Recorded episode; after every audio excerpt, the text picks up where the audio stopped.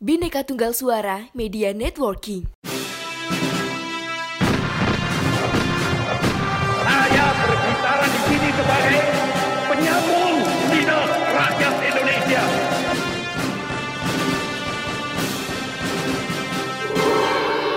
Hai, kalian sedang mendengarkan Poseidon, podcast sejarah Indonesia. Ngomongin masa lalu dengan gaya masa kini. Mohon perhatian.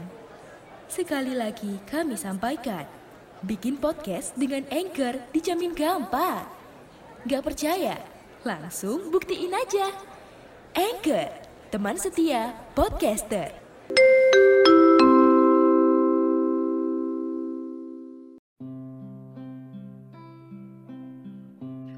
Halo sobat pecinta sejarah, berjumpa lagi dengan saya, Sambit Azinar Ahmad. Kita akan membahas mengenai pemikiran Muhammad Yamin tentang pendidikan, sejarah, dan pengajarannya. Muhammad Yamin lahir di Talawi Sawah Lunto pada 23 Agustus tahun 1903. Ia berasal dari keluarga yang cukup terpandang. Ayahnya, Usman Bagindo Khatib, adalah seorang mantri kopi. Di saat kecil, Yamin tinggal bersama kakak tertuanya, Muhammad Yaman, yang berprofesi sebagai guru HIS, setingkat dengan sekolah dasar. Karena kakaknya kerap berpindah tugas, Yamin mengecap pendidikan dasar di beberapa sekolah, yakni di Talawi, Sawah Lunto, Solok, hingga Padang Panjang. Pada tahun 1934, Yamin menikah dengan seorang bangsawan dari Jawa bernama Raden Ayu Sundari Merto Atmojo dari pernikahannya, ia dikaruniai seorang putra bernama Dang Rahardian Sinajang Yamin.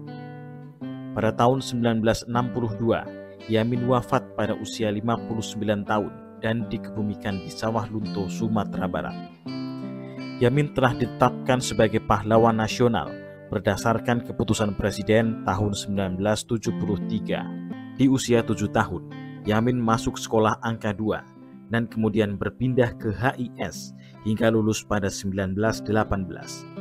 Selepas dari HIS, Yamin pernah belajar selama setahun di Hovden School di Bukit Tinggi. Namun ia akhirnya memutuskan merantau ke Jawa. Ia sempat sekolah di kedokteran hewan dan sekolah pertanian di Bogor.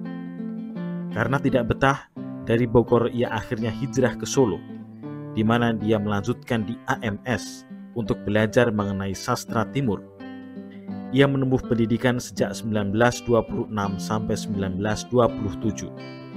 Di Solo, ia mulai belajar dan mendalami bahasa dan sastra Jawa kuno. Kecintaannya terhadap sejarah Indonesia menjadi semakin tumbuh. Selepas dari Solo, ia memilih untuk studi di Rechtshochschule atau RHS, Sekolah Tinggi Hukum. Setelah lima tahun, Yamin akhirnya mendapatkan gelar Mister in the Rechten pada 1932. Muhammad Yamin dikenal sebagai tokoh multiperan dan lintas periode. Ia tercatat sebagai aktivis kemerdekaan Indonesia, sastrawan, sejarawan, budayawan, politikus, hingga ahli hukum. Pada masa pergerakan nasional, ia terlibat aktif dalam organisasi Young Sumatran Bond dan menjadi ketuanya pada 1926 sampai 1928. Pada waktu yang sama, Yamin terlibat dalam Perhimpunan Pelajar-Pelajar Indonesia dan tercatat menjadi motor pada Kongres Pemuda yang kedua di tahun 1928 yang melahirkan Sumpah Pemuda. Di tahun 1931, Yamin tercatat masuk dalam Partai Indonesia yang bersifat non-kooperatif Ketika Partai Indonesia bubar bersama Wilopo, Amir Syarifuddin, Sumanang, Akagani, dan Adam Malik, Yamin mendirikan Partai Gerakan Rakyat di tahun 1936.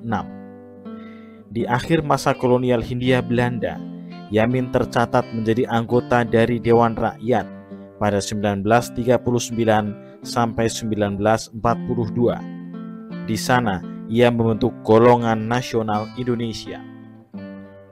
Menjelang kemerdekaan, Yamin berperan penting dalam persiapan kemerdekaan.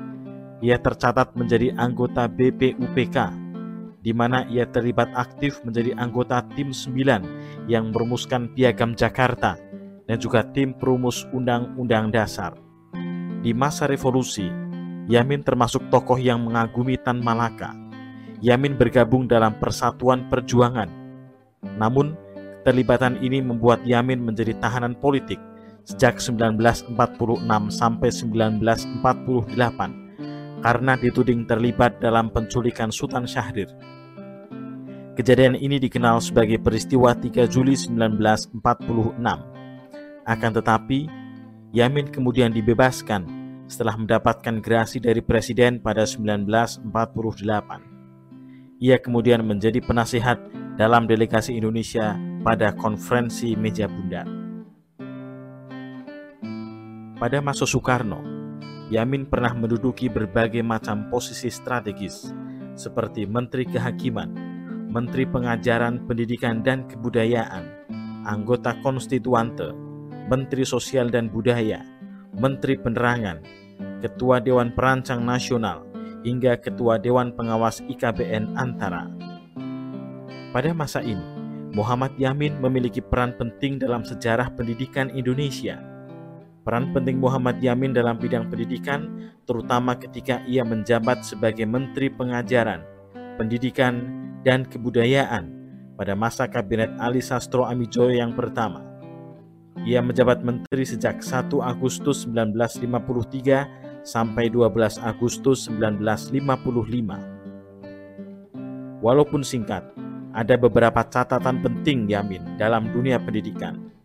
Di masa jabatannya, ia berhasil mendorong di keluarganya Undang-Undang Nomor 12 tahun 1954 tentang pernyataan berlakunya Undang-Undang Nomor 4 tahun 1950 dari Republik Indonesia dahulu tentang dasar-dasar pendidikan dan pengajaran di sekolah untuk seluruh Indonesia. Kemudian, Yamin juga berperan penting terhadap peresmian PTPG atau Perguruan Tinggi Pendidikan Guru yang ada di Malang, Bandung, dan Batu Sangkar pada Oktober 1954. Ketiga PTBG ini sekarang sudah menjadi Universitas Negeri Malang, Universitas Pendidikan Indonesia, dan Universitas Negeri Padang. Kepedulian Yamin di bidang pendidikan tampak dari PTPG Bandung. Yamin menjabat sebagai Ketua Jurusan Sejarah dan Budaya sejak 1954 hingga 1962. Dalam bidang pendidikan, Yamin juga memiliki pemikiran yang menarik. Pada saat Kongres Pemuda yang kedua, ia menyampaikan perlunya jiwa persatuan bangsa dididik dalam lingkungan keluarga sejak kecil. Oleh karena itu, ibu memegang posisi penting dan menjadi sosok yang pertama-tama harus mempercayai pada persatuan dan percaya pada bangsa sendiri.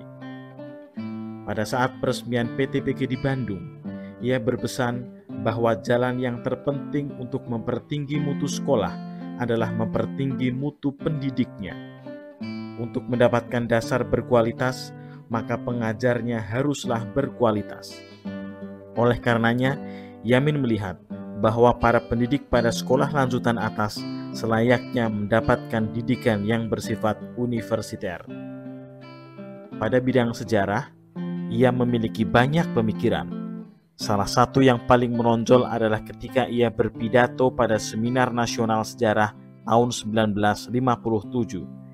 Ia mengemukakan gagasan tentang catur sila hal dunia yang berisi kebenaran, sejarah Indonesia, tafsiran sintesis, dan nasionalisme Indonesia. Ia juga menggagas konsep periodisasi sejarah yang disebut sebagai pancawarsa di mana periode sejarah Indonesia terdiri atas lima periode, yakni prasejarah Indonesia, protosejarah Indonesia, babakan kebangsaan, babakan antar bangsa di Indonesia, dan abad proklamasi. Peninggalan dari Muhammad Yamin dalam dunia pendidikan adalah buku-buku yang dituliskannya. Ia adalah seorang penulis yang produktif. Tidak kurang sejumlah 44 karya ia tuliskan dalam bidang pendidikan sejarah, Yamin menyusun lukisan sejarah dan atlas sejarah yang digunakan sebagai bahan ajar di sekolah. Lukisan sejarah memuat 563 gambar, foto, dan ilustrasi tentang sejarah Indonesia dan dunia. Sementara itu, Atlas Sejarah berisi 83 peta tentang sejarah Indonesia dan dunia. Lukisan sejarah dan atlas sejarah disusun sebagai alat bantu dalam pengajaran sejarah di tingkat sekolah menengah. Buku ini disusun dengan pendekatan catur sirah hal dunia dan pancawarsa untuk digunakan dalam pengajaran sejarah. Dua buku ini menempatkan sejarah Indonesia sebagai sentral. Dari buku ini, ada beberapa pemikiran yang menarik dari Muhammad Yamin. Menurutnya, pembelajaran sejarah akan mengalami bahaya apabila tidak menggunakan bahan lukisan atau ilustrasi. Tanpa penggunaan ilustrasi, maka pelajaran sejarah menjadi tidak menarik dan membosankan. Yamin menekankan, pendidikan sejarah hendaknya tidak terfokus pada urusan perang dan konflik.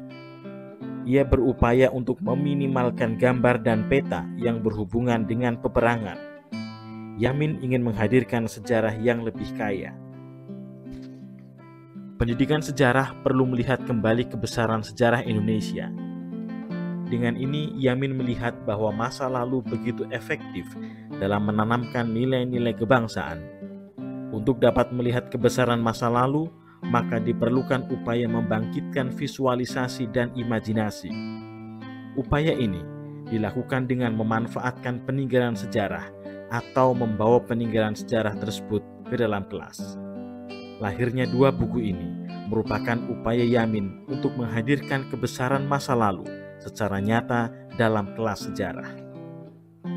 Demikian penjelasan tentang pemikiran Muhammad Yamin di bidang pendidikan, sejarah, dan pengajarannya. Semoga bermanfaat. Mohon perhatian. Sekali lagi kami sampaikan Bikin podcast dengan Anchor dijamin gampang. Gak percaya? Langsung buktiin aja. Anchor, teman setia podcaster.